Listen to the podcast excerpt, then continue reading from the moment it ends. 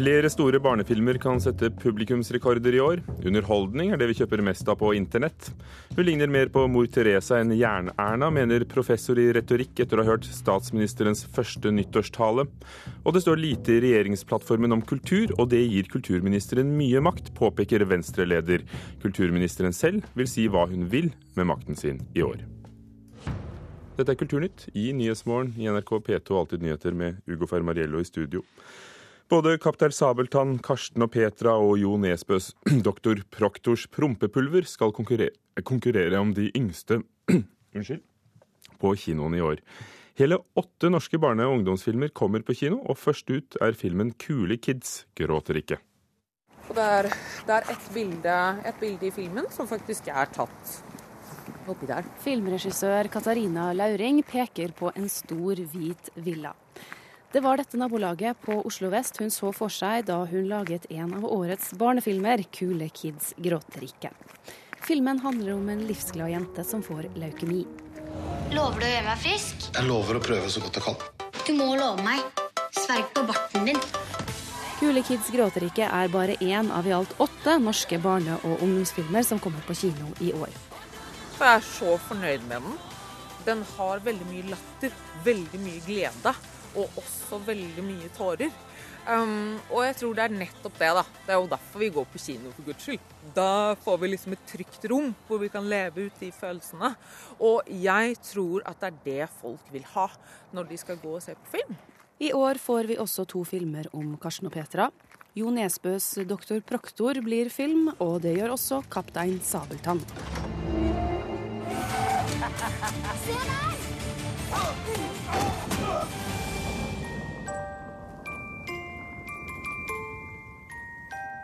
Det store vinduet er jo ut mot Kristiansand havn. Lyse lokaler og med havet rett i nærheten. Med Byfjorden, i hvert fall. Terje Formoe, mannen bak Kaptein Sabeltann, ser ut mot sjøen fra vinduet på kontoret sitt i Kristiansand. Han ser frem til å få den kjente karakteren fra mange år med barneteater opp på filmlerretet. Ja, jeg, jeg har mye forventninger. Jeg har mye glede over det som allerede har skjedd. Men jeg gleder meg egentlig til å følge prosessen, for det er jo mange måneder igjen egentlig til produktet er ferdig. Det er en stor pult. Eh, nå har jeg akkurat, Det ser kanskje ikke sånn ut, men jeg har akkurat hatt en opprydning her. Og så har jeg en liten sjørøver som står på lampa mi her. Det er Benjamin som står og ser på meg. Kaptein Sabeltann og Skatten i Lama Rama er tidenes dyreste norske familiefilm med et budsjett på nærmere 50 millioner kroner og Terje Formoe har allerede begynt å skrive på film nummer to. Jeg føler at Kaptein Sabeltann er en eh, internasjonal figur, i den forstand at han er ikke noe spesielt nordisk. Han hører til på alle de syv hav. Og jeg har jo veldig lyst til å se hvor langt ut jeg kan klare å få han. Barnefilmkonsulent Tonje Hardersen i bransjeorganisasjonen Film og Kino mener flere av barnefilmene kommer til å trekke et stort publikum til kinoene. Det er jo mange veldig kjente navn blant de barnefilmene som kommer. Eh, så jeg har stor tro på flere, jeg. Det kommer jo nye filmer til Karsten og Petra-oppfølgeren, som jo trakk eh, over 200 000 besøkende i år. Så jeg har stor på tro på at den kan eh, trekke like mange i neste år. Og I tillegg så kommer selvfølgelig Kaptein Sabeltann, som eh, jeg vet er veldig mange småbarn som også gleder seg til, og som har et nært forhold til Kaptein Sabeltann. Så den kan også bli ganske stort. og Den er markedsført av Disney, som jo har, eh, kan dette med å gå bredt ut med barne- og familiefilmer. I nabolaget på Bestum i Oslo håper regissør Katarina Lauring at barn og unge vil se filmen hennes. Dette her er basert på en nederlandsk bestselgende bok, men det er ikke en story som er kjent i Norge. Det er også basert på en sann historie. Eh, så denne jenta har eksistert, rett og slett, eh, i virkeligheten. Basert på livet hennes og hennes sin kamp. Hva betyr onkologi? Hvorfor er de så rare? Og reporter var Eirin Venås Sivertsen. Filmkritiker i Dagbladet, Inger Merete Hobbelstad, velkommen. Takk. Redaktør i Rushprint og anmelder i Aftenposten, Kjetil Lismoen, velkommen. Takk. Eh, det Vanligvis har det kommet mellom to og syv norske barnefilmer i året. Eh, I år blir det åtte. Er det noen av disse du har spesielle forventninger til? Jeg er litt uh, spent på uh, doktor uh, prompepulver med Arild Frølich i registolen. Ellers så er det jo mm, Altså, disse barnefilmene lages nå nesten hvert eneste år, mange av de, og, og de er blitt en slags garantist for at norsk film har høy publikumsoppslutning på kino hjemme. Og norske foreldre prioriterer å gå og se dem, og så er det ganske ujevn kvalitet på de, syns jeg. Så det ser ut som det kommer til å fortsette. 2014 det blir jo som en ny forestilling som skal begynne for sånne som uh, profesjonelt ser film hele året. Og Inger Merete Hobbelstad, hva gleder du deg mest til i år? Å, jeg gleder meg til masse. Eh, jeg gleder meg kanskje aller, aller mest til Lars von Trier kom med sin allerede eh, til skyene omdiskuterte Nymphomaniac. Eh, jeg syns jo hans Antichrist var en av de store filmopplevelsene jeg hadde i de senere år. Nå skal han liksom dukke mye mer, enda dypere ned i grumsete seksualitet og menn og kvinner og flykten fra livmoren og driften og alt det der, og det tror jeg blir herlig. Eh, oss, du har det ene der du leder deg til. Hva er din ene store opplevelse du regner med kommer, Kjetil? Jeg gleder meg vel aldri til en Lars von Trier-film, men det er et, alltid en slags Det er en begivenhet og en mediebegivenhet om man snakker om, om filmene hans.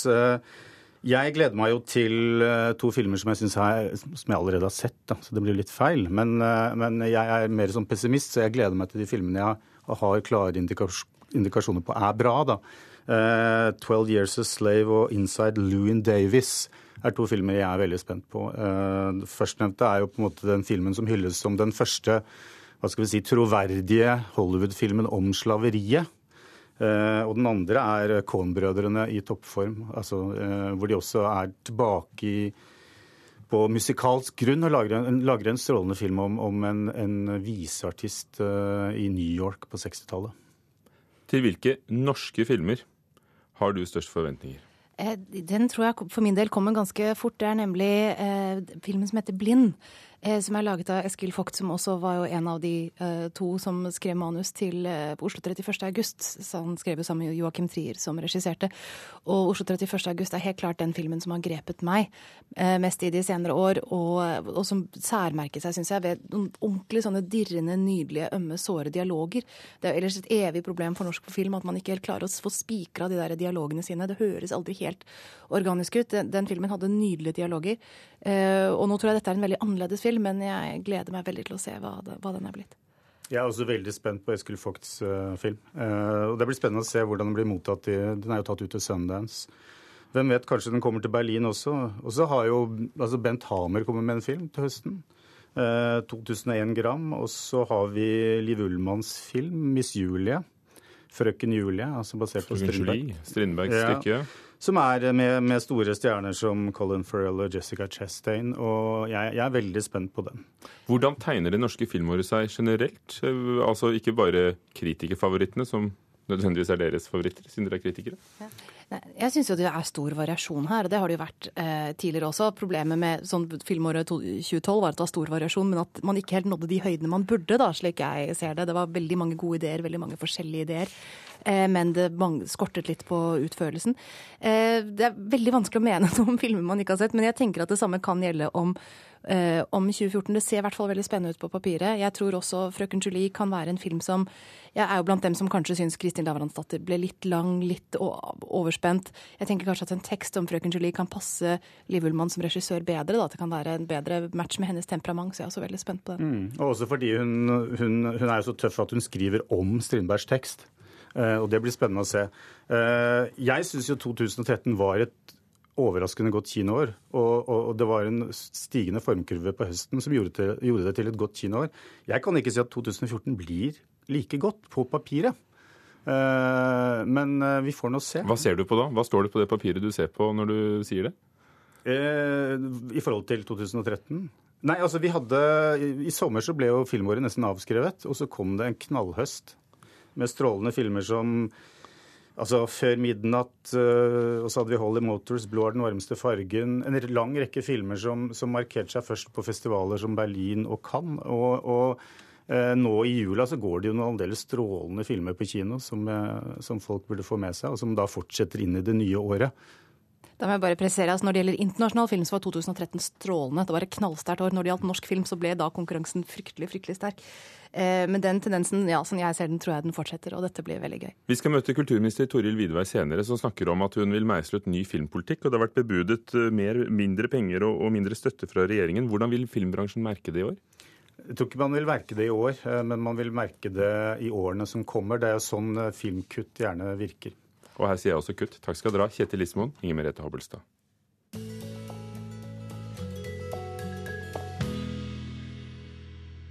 Underholdning står øverst på handlelisten når folk klikker seg inn på nettbutikker. I førjulshandelen kjøpte nordmenn bøker, filmer og andre kulturopplevelser og produkter 160 000 ganger på internett.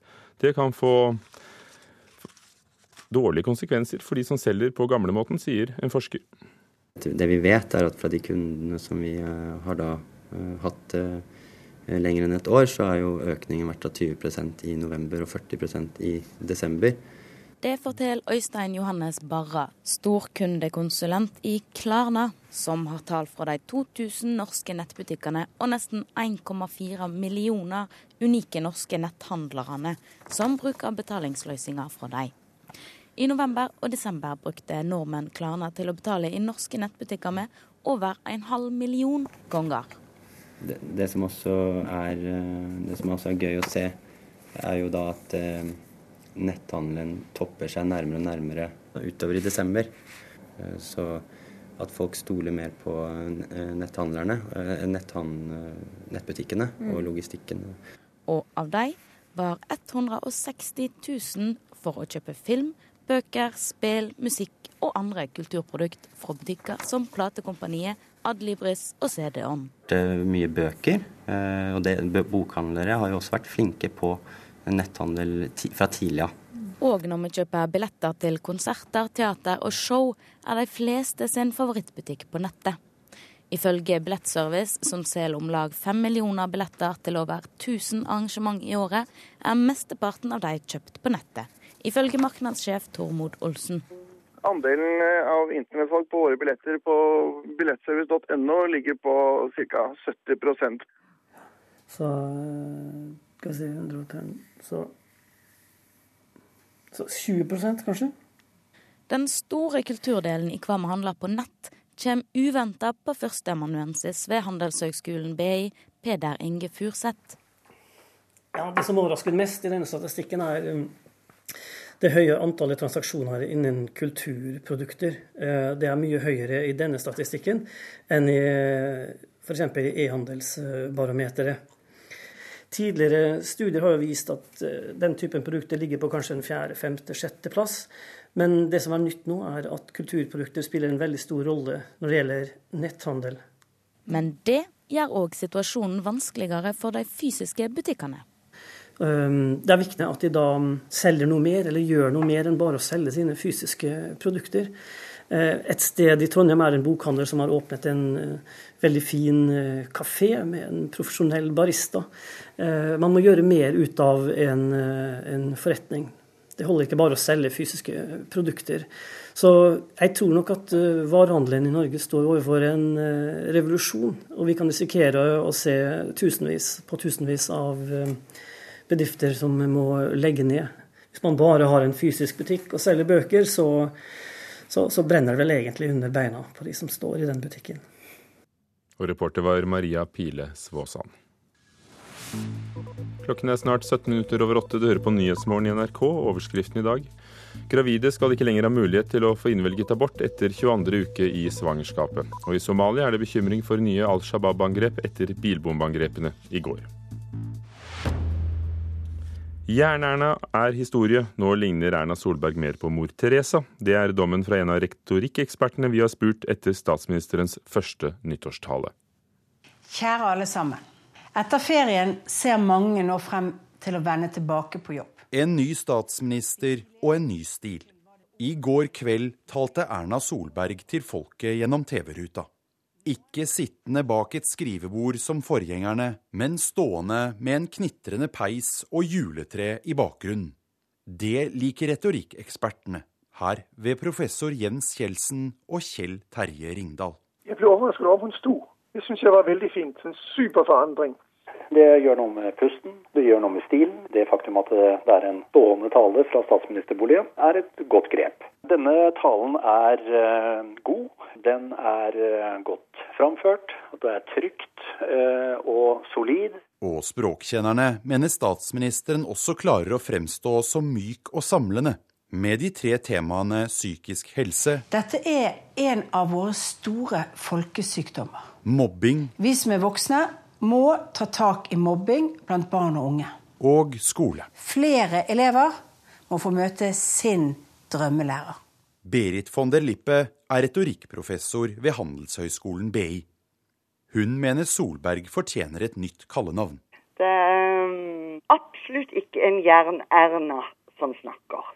Her var Erna, hvis jeg kan si det, litt mer mor Teresa. Image av at Høyre er et parti for de vellykkede og for de rike. Det er det motsatte i en viss forstand hun prøver å få frem. Og det er jo interessant.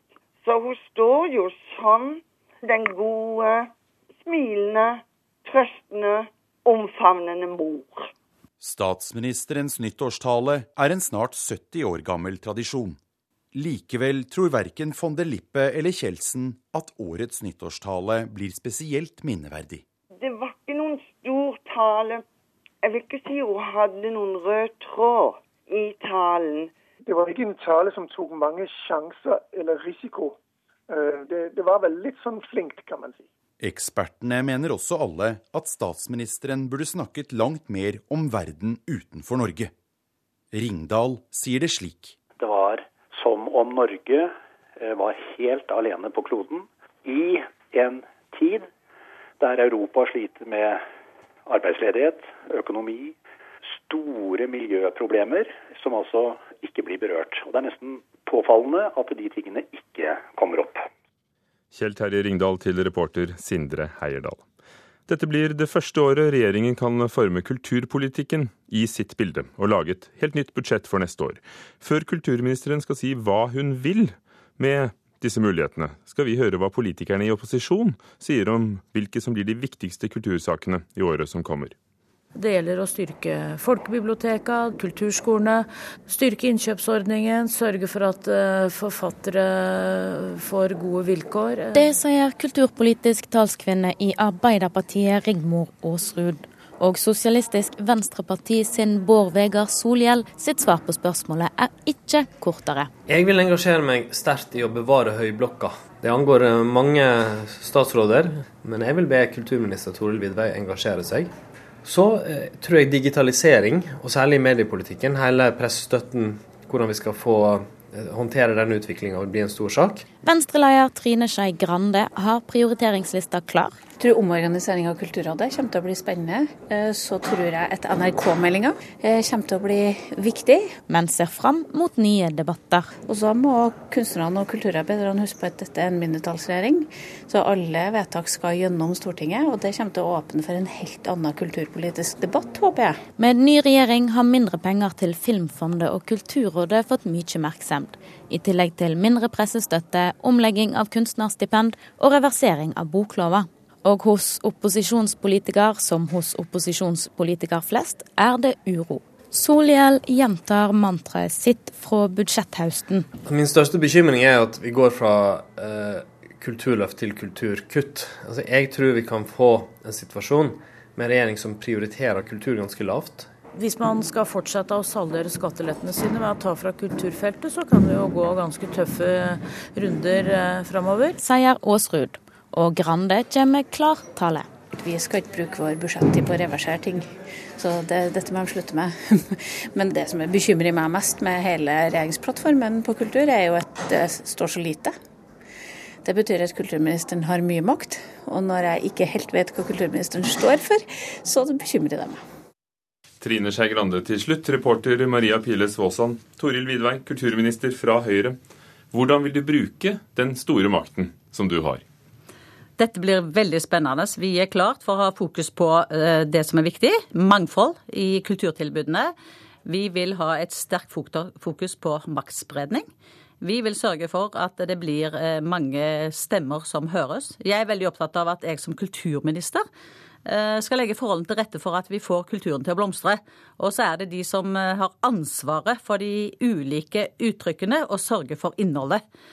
Vi er veldig opptatt av kvalitet. Vi er opptatt av å høyne kvaliteten i kulturtilbudet, og det er det som kommer til å være i fokus. Og så mener da opposisjonen at det kan være vanskelig å få til å blomstre, når de fra den forrige regjering sier at det som de kalte kulturløft, blir et kulturkutt. Hva vil du si til det? Det må jeg bare si at eh, For det første så hadde, er det et rød-grønt prosjekt, dette med Kulturløftet, å komme opp på 1% Det har aldri liksom vært noe mål for oss. Vi har støtta det. Høyre har støtta alle disse bevilgningene i, eh, i, Stortinget. Og jeg tror det er veldig viktig for meg å understreke. altså Det er jo kjempebudsjett vi har lagt opp for 2014, som vi nå tar fatt på. Eh, en, en budsjettøkning på 6,8% At det var noe mindre enn det som den avgåtte eh, regjeringen egentlig la frem i sitt alternative budsjett, det syns jeg er å ta litt hardt i og si at dette er et stort kutt. Vi satser, og det kan jeg love at det kommer til også å bli en stor satsing i år årene som kommer. Men det som er viktig, i motsetningen til den regjeringen som vi tok over fra, det er jo at vi kommer til å konsentrere oss veldig mye om innholdet. Og få til et høyt faglig innhold. Og det trenger ikke nødvendigvis bety at man må ha mer penger for å øke kvaliteten. Det har noe med fokus å gjøre. Du nevnte mange stemmer. Trine Skei Grande sa at du har mye makt. Men samtidig så er det sånn med, med en mindretallsregjering at det blir jo spennende, fordi dere må ha støtte i Stortinget. Ser du for deg at det kan bli mye mer debatt om de enkelte sakene, de enkelte områdene innen politikken, nettopp fordi dere er avhengig av ofte å få med dere andre enn regjeringspartiene? Absolutt. Det ligger i sakens natur. Når du er en mindretallsregjering, så må du gå til Stortinget og forhandle. Og vi har to gode samarbeidspartnere eh, som vi eh, skal jobbe i sammen med, og det ser jeg fram til. Eh, vi har eh, de fire partiene, altså regjeringspartiene, Høyre og Fremskrittspartiet, i, i, sammen med KrF og Venstre, har jo i løpet av disse åtte årene stått for veldig mye sammen i forhold til kulturpolitikken. Og nå er det min oppgave å være med på å realisere det. Og jeg vil også eh, invitere til et konstruktivt samarbeid med den store opposisjonen, for å si det sånn, eh, i Stortinget. Sånn at vi får en brei samling om det som skal være den kulturelle innholdet i politikken i årene som kommer. Bård Vegar Solhjell etterlyste ditt engasjement i saken omkring Høyblokken. Det skal vedtas i år. Det er mange departementer og statsråder som har sitt å si. Men det er jo en kulturpolitisk debatt og en kulturhistorisk debatt som pågår. Hva mener du? Skal vi beholde den historiske Høyblokken eller ikke? Ja, det er veldig viktig nå at eh, regjeringen får god tid til å diskutere dette, og det er det en prosess på internt i regjeringen. Det er jo eh, Kommunaldepartementet og FAD som holder tak i akkurat disse eh, sakene. Men jeg kan berolige med at vi selvfølgelig også ut ifra et kulturpolitisk ståsted også vil ha meninger om det. Men det skal vi få rikeslig anledning til å diskutere. Har du ingen mening om det selv? Det har jeg, vet du. Men ikke, her er jeg representant fra regjeringen, og det er veldig viktig for meg å sørge for at vi har en god prosess, at regjeringen kommer ut med sitt ståsted i denne saken. Når vil det komme?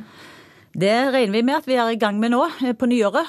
Så jeg tror at det skal kunne klare oss å være klart om ikke så veldig lang tid. Du sier at det er et løft fordi dere har et uh, løft på budsjettet på over 6% og Likevel så er det da f.eks. en bransje som filmbransjen som mener at uh, det vil bli magrere kår for norsk film. Uh, hva vil du si til dem? Ja, nå er det faktum at det er altså tre kvart milliard kroner bare i tilskudd til film som finnes i dag fra statlige midler. Og det har vært en veldig volumøkning i norsk film de siste årene. Eh, nå er det tid for spissing og prioritering, mener vi. og Derfor har vi også sagt at vi vil eh, gå gjennom eh, hele filmbransjen og se på filmpolitikken. Og har altså bestemt oss for å lage en stortingsmelding om film. Og Det skal også inkludere i forhold til insentivordninger for å få internasjonal produksjon til Norge.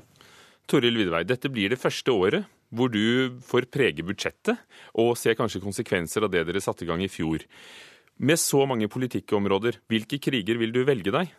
Jeg tror Det som blir viktig for oss nå, det er at vi inviterer til en åpen debatt om hva som egentlig er viktig å ha et fokus på.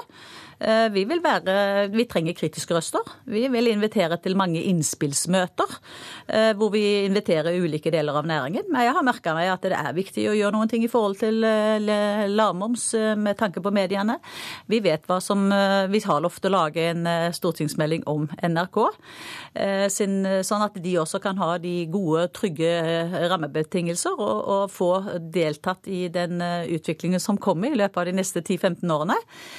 Vi har lovt at vi skal se, gå gjennom Kulturrådet. De har hatt en formidabel vekst når det gjelder antall kroner i løpet av de siste årene. og det, Vi tror det er på høy tid å ha en god gjennomgang av både organisering og arbeidsform av Kulturrådet, eh, sånn at vi egentlig er helt sikre på at det kommer mer penger til kulturtiltak i framtida, og også mindre til administrasjon. Sa kulturminister Toril Vidvei fra Høyre.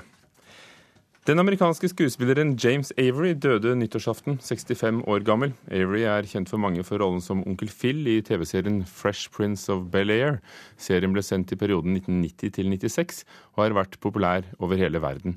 James Avery spilte også i fjernsynsserier som Grace Anatomy og Star Trek, og hadde roller i over 45 filmer.